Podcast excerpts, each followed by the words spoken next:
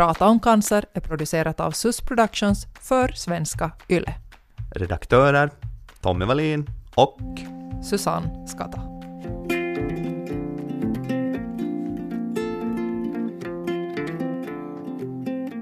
Vi vet att vi kommer att ha mycket mer cancerpatienter redan om 20 år. Jag tror att om, om 20 år så, så kommer nog cancern i ett ännu, kanske ännu klarare vara en, en, antingen en sjukdom som man, man kan bota eller sen i, om, om cancern har spritt sig så kan man behandla den på ett sätt som gör den jämförbar med, med andra kroniska sjukdomar. Cancercellerna är, är otroligt påhittiga och lömska så att man skulle kunna överlista dem.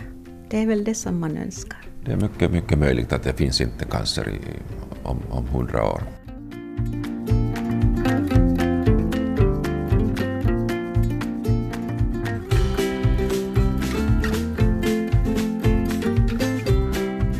Går inte att blunda för cancer. Vi kan inte hålla tyst om hur den påverkar de 275 000 människor som idag går omkring med en cancerdiagnos i Finland. Vi måste prata om hur samhället kan underlätta för de drabbade och deras anhöriga. Vi måste prata om utmaningar och lyfta upp och sprida goda exempel.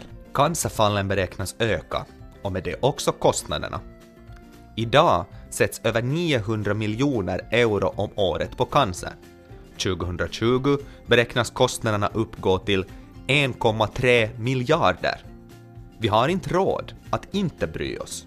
Det pågår mycket forskning om cancer. Forskning som i framtiden kommer att ge oss lämpligare behandlingar, färre biverkningar och därmed också bättre livskvalitet under sjukdomsperioden.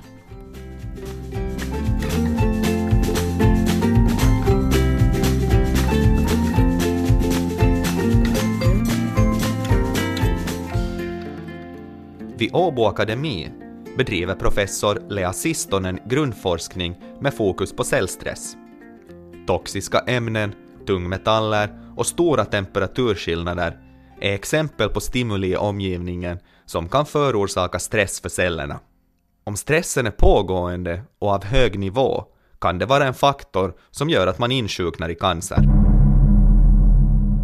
Vi har och andra forskare inom det här fältet så har äh, märkt att, att äh, de här cancercellerna har egentligen hela tiden förhöjda sån stressnivå. De helt enkelt, de är så aktiva och tydligen liksom behöver de den här aktiva metabolismen, aktiva celldelningen, aktiva rörelseförmågan äh, i kroppen. Äh, de kommer igenom vissa hinder, till exempel i olika vävnader. Så de här cancercellerna är ju lite sådana superceller. Mm. De mår bra av stress de, helt enkelt? Ja, ja det, det, är väl därifrån det kommer den här idén att de skulle vara addikterade. Att de, de helt enkelt har den här inre förmågan att tolerera och bekämpa stress. Så egentligen borde man äh, kanske utnyttja det här, att, att, att de har det här och kunna identifiera något medel eller farmakologiska medel eller andra terapiformer att, att just utnyttja den här situationen att de, de har det här. Um, hur man sen gör det i praktiken är, är, mycket svårare eftersom, nu kommer vi till den här stora frågan om cancer, att i en tumör till exempel, alla celler är inte lika. Uh, det är en blandning av olika celler. Mm. Uh, och hur man sen identifierar just de här mest aggressiva till exempel. Eller borde man egentligen identifiera sådana uh, celler som man tänker sig att det finns så kallade cancerstamceller som egentligen inte behöver vara de här mest aktiva celler utan de kan vara nästan dormanta där i, i tumören. Och då man förstör de där riktigt aktiva cellerna så liksom kan det bli, de kan bli där och sova mm. flera år. Och sedan i no, någonting händer och de vaknar och de börjar dela på sig och de kan liksom sen Därför kan den här cancern uppkomma på nytt. Mm. Eller de kan också liksom vara skyldiga den här metastaseringen, att, att det här tumören uppstår någon annanstans än i den här ursprungliga.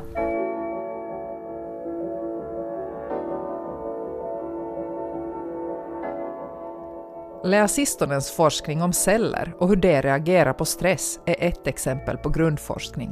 Målet är att förstå bakomliggande mekanismer hos cellerna, kunskap som sedan behövs när medicinerna utvecklas. Johanna Nystedt på Röda Korsets blodtjänst bedriver forskning i cellterapi. Biologiska läkemedel som framställts ur levande celler eller vävnader kan hjälpa patienter på två olika sätt.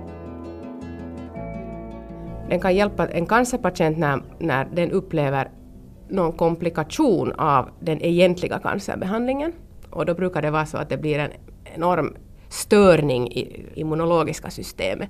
Och då kan man bryta det, eller bryta en sån här riktig eh, hemsk kaskad av negativa följder, så kan man bryta med, med att ge andra slags celler som korrigerar det. Men då är, då är liksom eh, den här själva effekten inte permanent. Men sen det andra som är nu väldigt, väldigt hot och, och där det görs stora framsteg är att, att man kan också använda celler att, att hitta cancercellerna och döda dem. Det här är avancerat och det är jättespännande och jättelovande och det har hänt enorma framsteg i det här under de senaste åren faktiskt. Är det det då som kallas för cellterapi? Det kallas cellterapi men egentligen kallas allting cellterapi där man använder levande celler i, för att behandla sjukdomstillstånd. Mm. Så att också till exempel en påse blod är cellterapi men det är liksom den ursprungliga formen, den äldsta formen av cellterapi. Mm. Och en stamcellstransplantation det är cellterapi. Men nu de här, det här nya, nya vågen av cellterapi så kallas liksom avancerad cellterapi. Och då är också själva hur man producerar de där cellerna är annorlunda från de här klassiska. Cellterapi är egentligen bara en teknologiplattform.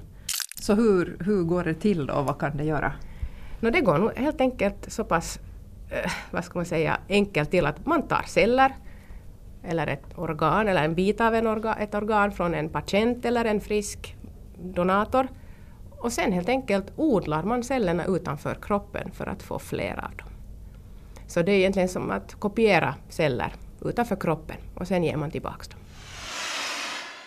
Det är nog inte egentligen så komplicerat att man, man ger helt enkelt åt cellerna sådana komponenter de behöver. Man ger dem mat, sånt som finns i kroppen normalt. Alltså olika näringsämnen och de växer i, i buljonger helt som man skulle koka soppa ungefär. Men där kokar man celler och, och sen får man fler celler av de celler man vill ha.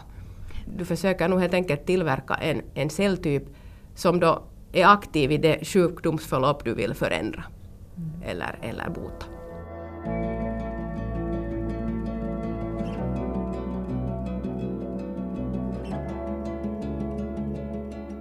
På Karolinska institutet i Stockholm ingår Päivi Östling i ett team som forskar i det som kallas precisionsmedicin.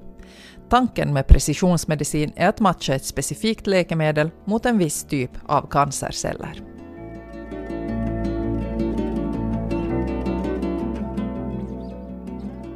Rent konkret, hur kan er forskning hjälpa en cancerdrabbad då? Just nu så görs ju inte, alltså den här genomtestningen um, kan, kan göras på kliniken uh, och det görs redan delvis för vissa patienter. Läkemedelstestningen um, är ingenting som är rutin, rutin alls. Men eh, vi kan bidra med mera specifik information åt en onkolog som funderar över behandlingsmöjligheter. Det gäller då att vi kan testa och se känslighet mot ett visst läkemedel men också se om det inte har någon effekt på den här patientens celler. Vilket då kan betyda att man tar bort en väldigt kemotoxisk medicin och minskar bieffekterna för patienten. Så jag skulle väl vilja påstå att, att vi bidrar med mera precision.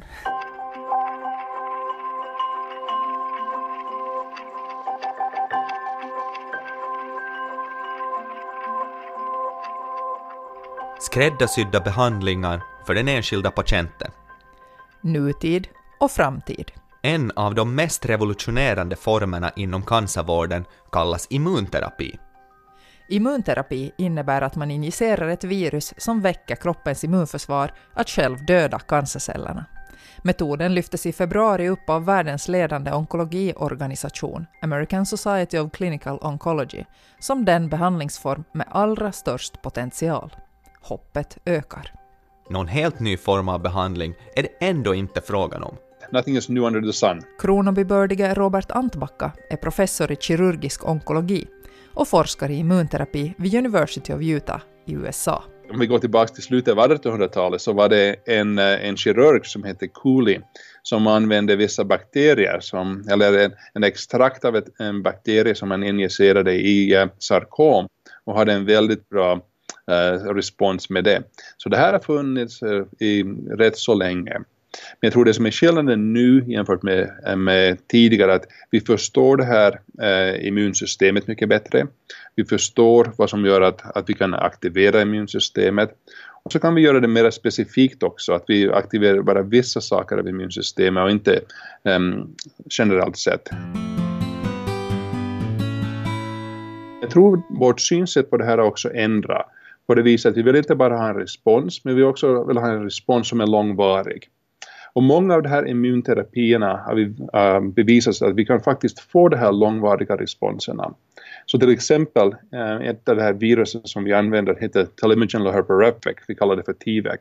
Och det finns också för tillfället i Finland, det, det, det, finns, äh, det har blivit godkänt i Finland att, att använda det här. Med det så vet vi att eh, patienter som har haft en respons, som har haft en total respons att alla tumörer har gått bort, om de patienterna efter tre år, om, om den här tumören inte har kommit tillbaka, så det är risken att tumören ska komma tillbaka egentligen väldigt, väldigt liten. Och det jag tror det är också som är det här nya med det här immunbehandlingen, att vi har patienter som har det här långvariga responser.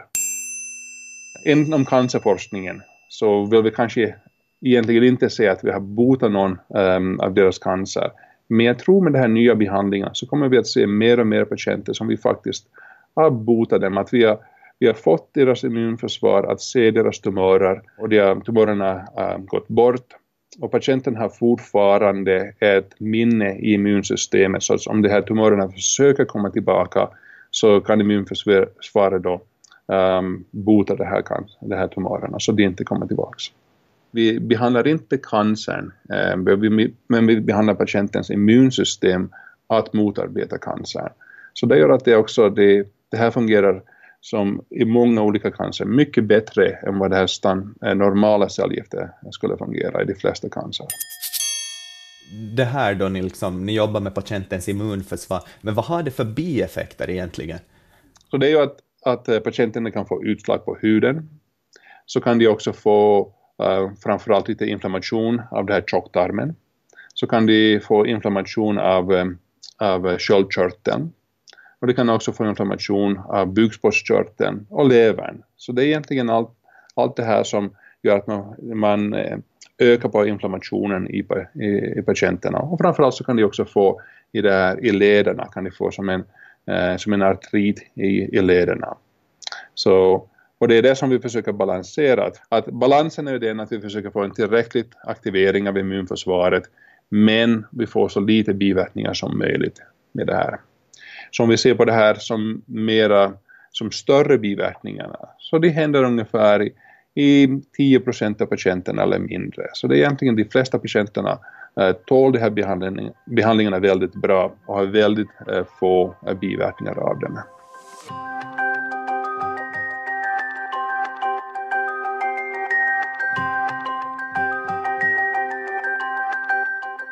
Röda Korsets blodtjänst i Finland utvecklar hela tiden sin verksamhet.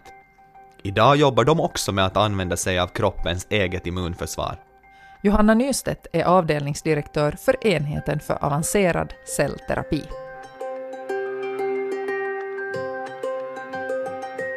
Vi har gått nog in för att nu också utveckla de här cancerhittande cellerna, alltså forska i det ämnet och försöka också utveckla egen terapi som kan användas för patienter då i framtiden. Cancerhittande mm. cellerna låter ju jättespännande. Alltså det betyder att man liksom planterar in celler i kroppen och så, vad händer sen? Ja, sen no, först måste du, uh, du måste programmera om de här cellerna.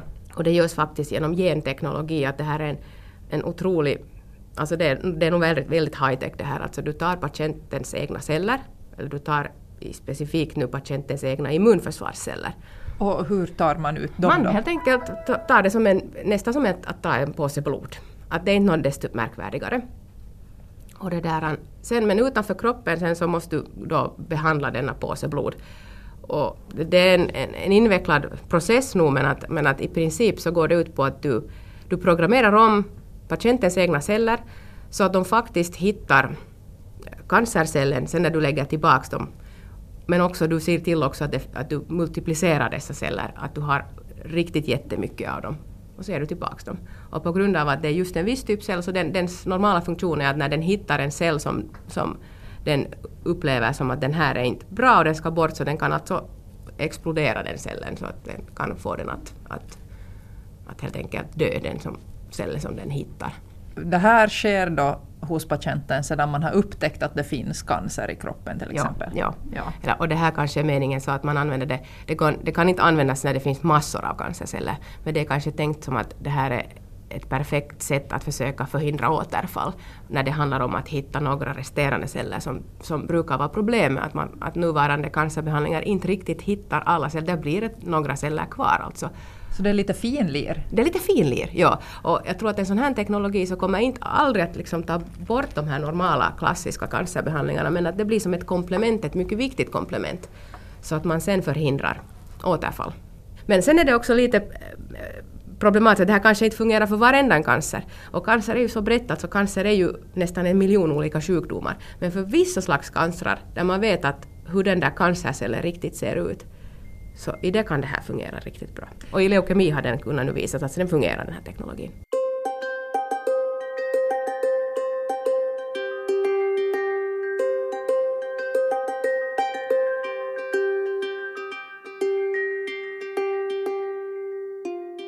Behandlingarna mot cancer blir bättre. Fler blir friska. Men kommer cancer i framtiden någonsin att helt kunna krossas? Professorn i molekylär och cellbiologi, Lea Sistonen. I vissa fall ja, vi kan redan. Uh, många, många fall kan ju uh, botas. Uh, och det har ju dramatiskt ändrat liksom på 10-20 år. Till exempel barnens leukemier. Mm. Um, det är sen en annan fråga att hur de här individerna mår sen senare, att kommer det liksom några komplikationer sen senare, att det måste man ju också ta i beaktande att, att det är frågan en livslång uh, process egentligen, att, att om man har bota eller om man inte har bota. Uh, sen är det en annan sak att, att uh, många fall cancer är ju relaterat med ålder, uh, åldern, åldrande mm. helt enkelt påverkar ju cancer och det, liksom, incidenser ökar ju med ålder. Så, så våra samhällen blir ju äldre. Mm. Alltså, så, så det är frågan om att, att hur ska man behandla, hur drastiskt ska man behandla äldre människor till exempel, att man inte sen förstör deras liksom, livskvalitet. Så, så jag tror att det är många, många frågor som vi till exempel inte i, det, i laboratoriet tänker på Nej. eftersom vår uppgift är lite annan. Men att sen då vi tänker på de här etiska frågorna och den här helheten så det är väldigt mångfacetterad. Uh, sen kommer man alltid att fråga också att, att uh, kostnader, att vad får det kosta att bota cancer? Uh, och ska man ha samma prislapp på alla individer? Så, så det här är ju stora frågor, mm. att, att man kan bota och jag är helt säker att det här går framåt, forskningen fortsätter jag hoppas också i Finland, men att, att globalt sett for, fortsätter det, behandlingarna blir bättre, men just nu är kanske de här stora frågorna också om helt sådana samhälleliga frågor, etiska, ekonomiska. Hopp. Ett ord som ofta återkommer när man pratar om cancer. Och statistiken visar att det finns fog bakom det. Ett par exempel. Kring 90 procent av bröstcancerpatienterna klarar sig. Och kring 85 procent av alla barn med den vanligaste leukemiformen gör det också. Robert Antbacka jobbar med immunterapi. Prognoserna har ändrats helt. Så till exempel inom melanom där jag jobbar, så om vi går tillbaka för tio år sedan om patienterna hade metastatisk, metastatisk melanom, melanom som hade spritt sig till lungorna eller levern, så vanligtvis de flesta patienter levde högst 18 månader, så ett och ett halvt år. Ehm, det har ändrats helt nu. Ehm, nu har vi vanligtvis patienterna som lever, över 60 till 70 procent av patienterna lever två år och vi har många patienter som lever mycket längre än det. Så det har helt ändrats det här. Och just den responsen också till, till den här behandlingen har också helt ändrats. Så eh, för tio år sedan, eh, det här vanliga cellgiftet som vi använder för melanom, ungefär 10 procent av patienterna hade en respons till det och de flesta hade en väldigt liten respons. med de här nya terapierna inom immunterapierna så har vi en respons nu som är över 50 procent, eh, till och med 60 och 70 procent. Och de patienterna som har en respons har en, en långvarig respons. Till mina patienter så brukar jag säga att för tillfället inom melanom, det här vetenskapen och det här, eh, de nya rönen går så snabbt fram, så om du läser någonting som är 12 veckor gammalt så är det redan um, out of date.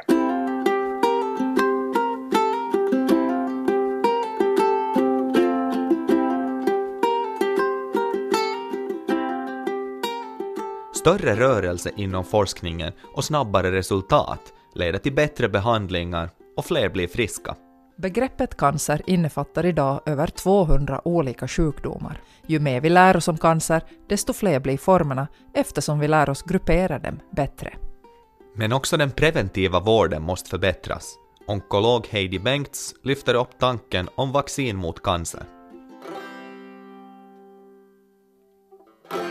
No, det har ju forskats mycket i olika cancervaccin och säkert, säkert kommer det att eh, utvecklas. Alltså det är ju inte fråga om ett vaccin som skulle bota mot alla cancerformer utan det är mera fråga om någon, vissa cancertyper där man skulle kunna ha det som en, så att säga, en behandling mot när man har redan utvecklat den här cancern. Sen finns naturligtvis de här, de här eh, HPV-virusvaccinen som kanske någon kan tänka på som cancervaccin för att de minskar uppkomsten av vissa cancerformer, men, men det är ju som just att det, det är vaccin mot vissa virus, men det som man talar ofta om som cancervaccin så menar man sådana, det är en slags, det är en slags immunologisk behandlingsform mot vissa cancerformer.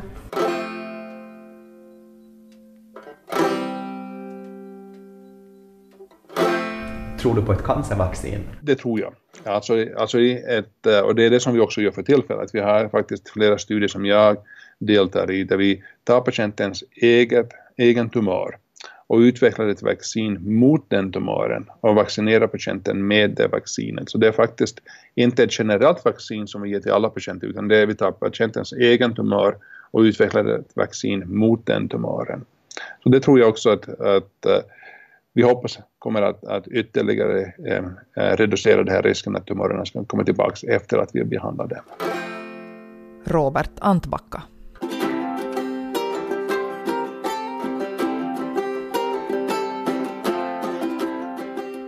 Finland införde som första land i världen redan på 60-talet sållning för livmoderhalscancer och det här ledde till att antalet cancerfall sjönk med 80 procent.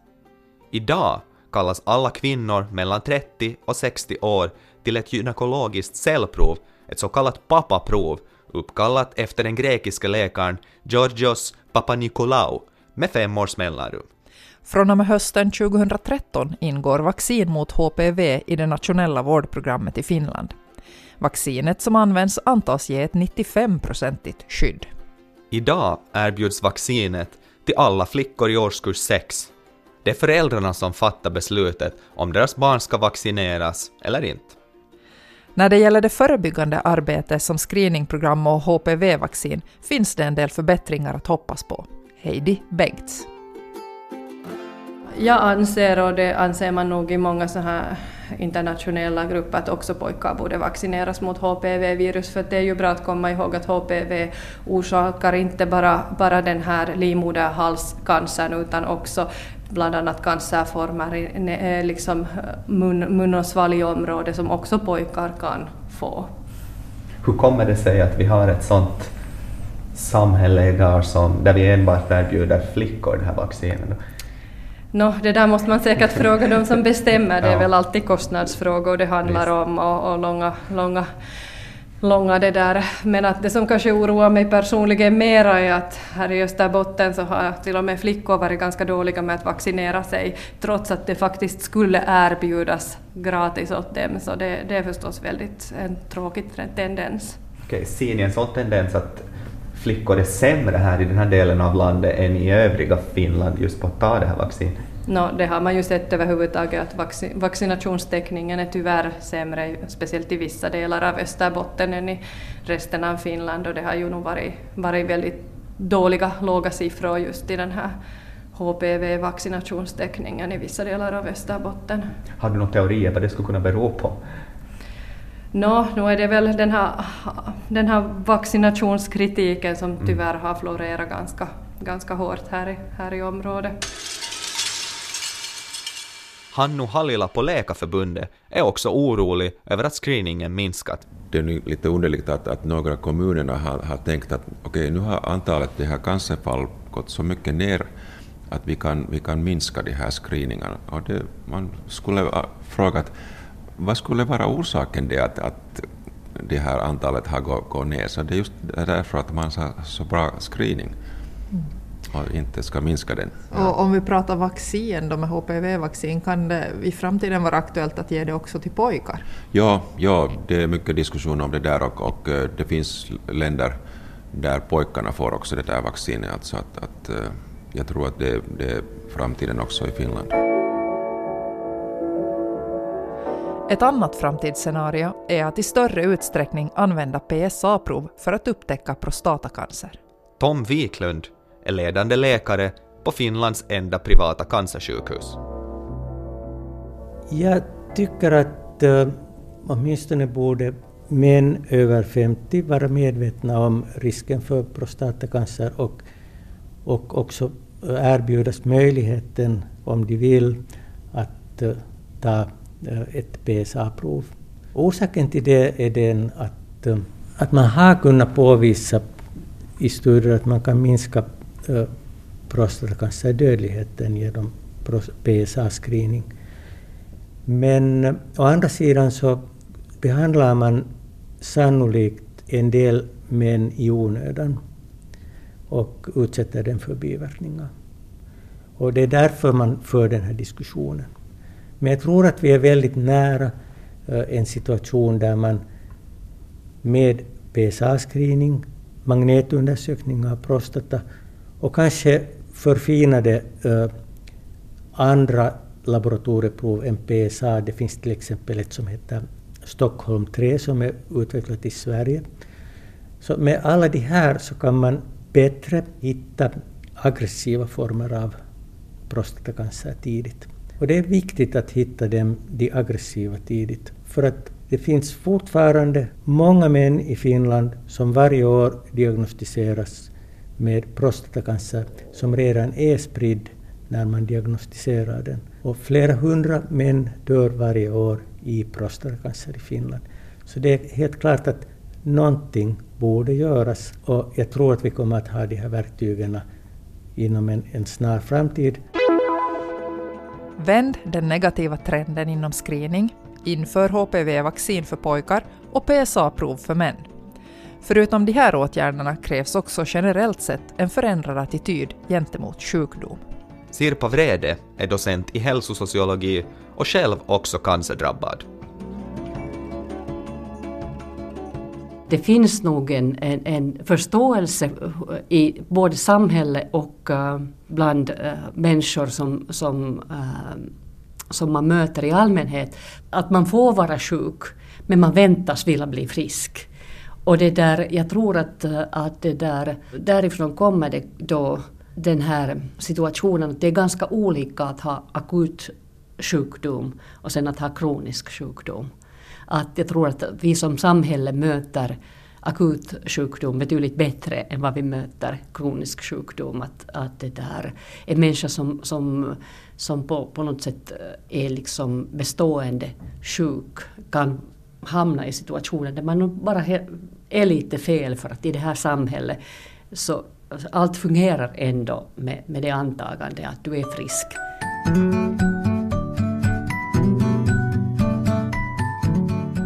Hur ser vi på cancer om 30 och 100 år i Finland?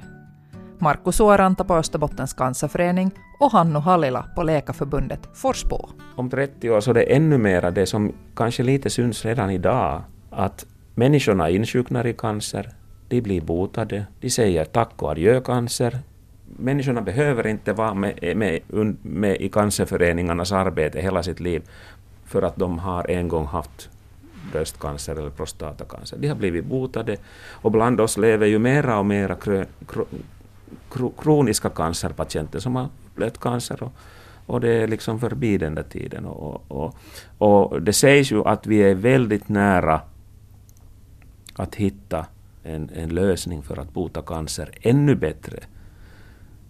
Vad i verkligheten kan jag inte säga, men att så, så skriv, skrivs det ju i internationella medierna att, att, att, att, och så påstår våra forskningsexperter i Helsingfors att vi är väldigt nära med. Det är mycket, mycket möjligt att det finns inte cancer i, om, om 100 år. Jag kommer ihåg att kanske det var 60-talet, alltså det var i USA redan de sa att nu ska vi ta bort cancer från världen i 20 år eller någonting, så att det har inte lyckats. Men om man tittar lite längre i framtiden, jag är säker på att det, det kan hända.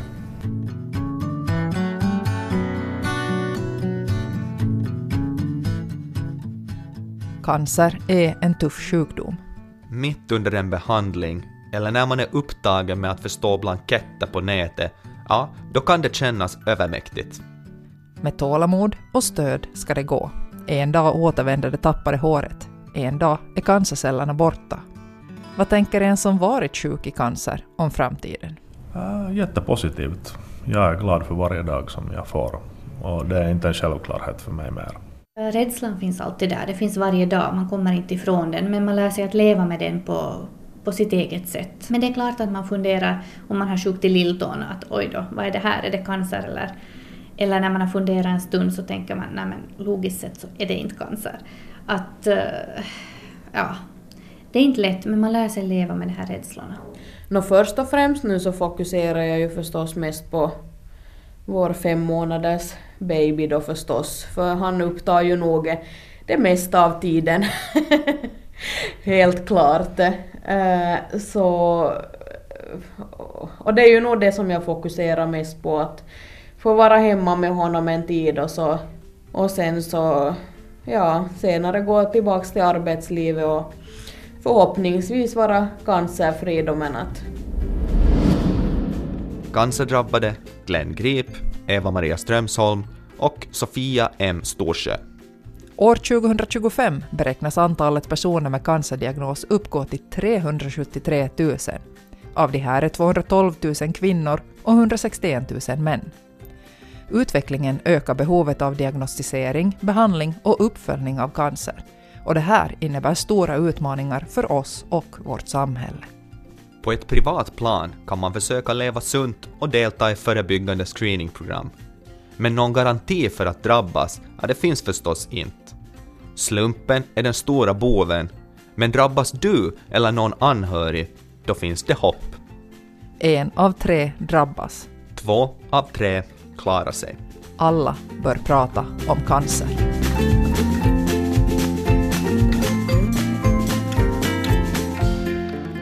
Prata om cancer är producerat av SUS Productions för Svenska Yle. Redaktörer är Susanne Skatta och Tommy Wallin.